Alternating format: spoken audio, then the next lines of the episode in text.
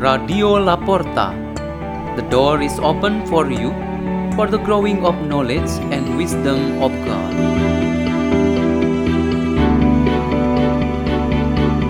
Delivered by Father Peter Tukan SDB from Salesian Community in Labuan Bajo, Indonesia.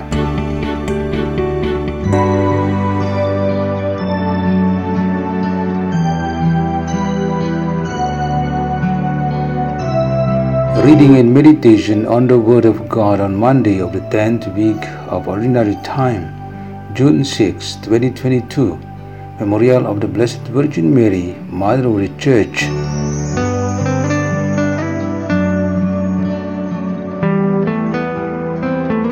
The reading is taken from the Holy Gospel according to John chapter 19 verses 25 to 34. Standing by the cross of Jesus were his mother and his mother's sister, Mary, the wife of Clopas, and Mary Magdalene. When Jesus saw his mother and the disciple there, whom he loved, he said to his mother, Woman, behold your son. Then he said to the disciple, Behold your mother. And from that hour the disciple took her into his home. After this, aware that everything was now finished, in order that the scripture might be fulfilled, Jesus said, I thirst. There was a vessel filled with common wine. So they put a sponge soaked in wine on a spring of hyssop and put it up to his mouth.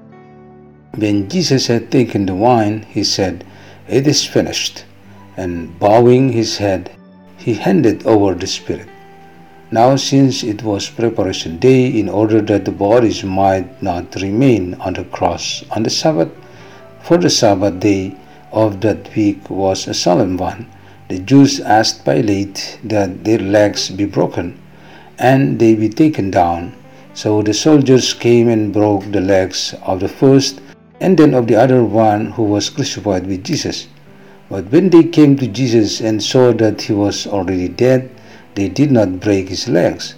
But one soldier thrust his lance into his side, and immediately blood and water flew out. The Gospel of the Lord.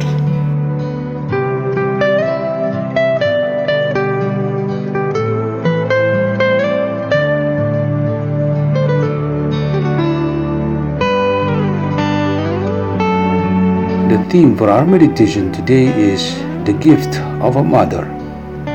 In one occasion of the Sunday Mass, which coincided with the Father's Day, the priest who presided the Holy Eucharist invited all the fathers present to come near the altar. They were prayed over and blessed by the priest before the closing of the Mass with the blessing for all the faithful. At that time, there were three fathers crying emotionally and were seen by the priest who was praying over them. The priest met them outside the church after the Mass. They one by one were asked why they cried with emotion when they were in front of the priest. They all answered that their wives forced them to go in front with different threats. If they didn't want to go for the blessing from the priest, sanctions will be given without mercy. One was threatened not to enter the house after returning from the Mass. Another was threatened that the wife could not accompany him if he invited her for a walk together. Another one was threatened that his favorite food will not be cooked and served. These threats are really serious. A wife and a mother is the key to the home the food, and the relationship. If these three elements are removed, how will it be with a husband and a father, even with our real life?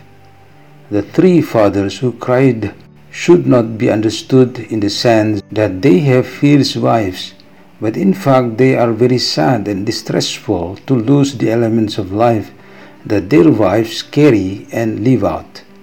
It is sure that these wives or these women indeed represent God's goodness and love to fight all forms of evil that tend to destroy life. We are happy to celebrate this memorial of Our Lady as Mother of the Church which is a celebration to honor and glorify the role of motherhood for the whole church.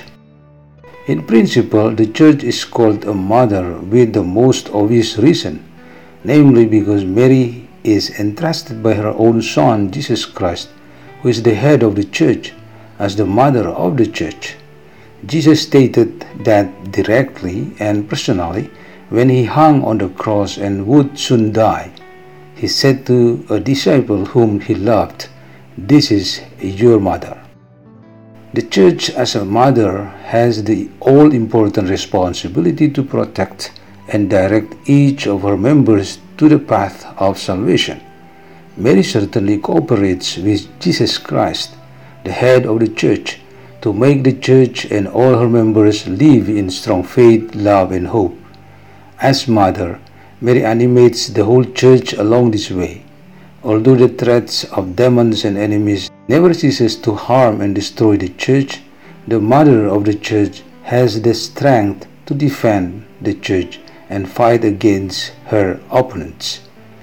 The resistance against the church never stops as long as this earth is still spinning, as it is reflected in the today's first reading. Let's pray. In the name of the Father, and of the Son, and of the Holy Spirit, Amen. Our most loving God, May Our Lady always be with us in all our difficulties, especially in times of trouble and threat from the deadly enemies. Hail Mary, full of grace, the Lord is with thee. Blessed art thou among women, and blessed the fruit of thy womb, Jesus. Holy Mary, Mother of God, pray for us sinners, now and at the hour of our death. Amen. In the name of the Father, and of the Son, and of the Holy Spirit. Amen. Radio La Porta. The door is open for you.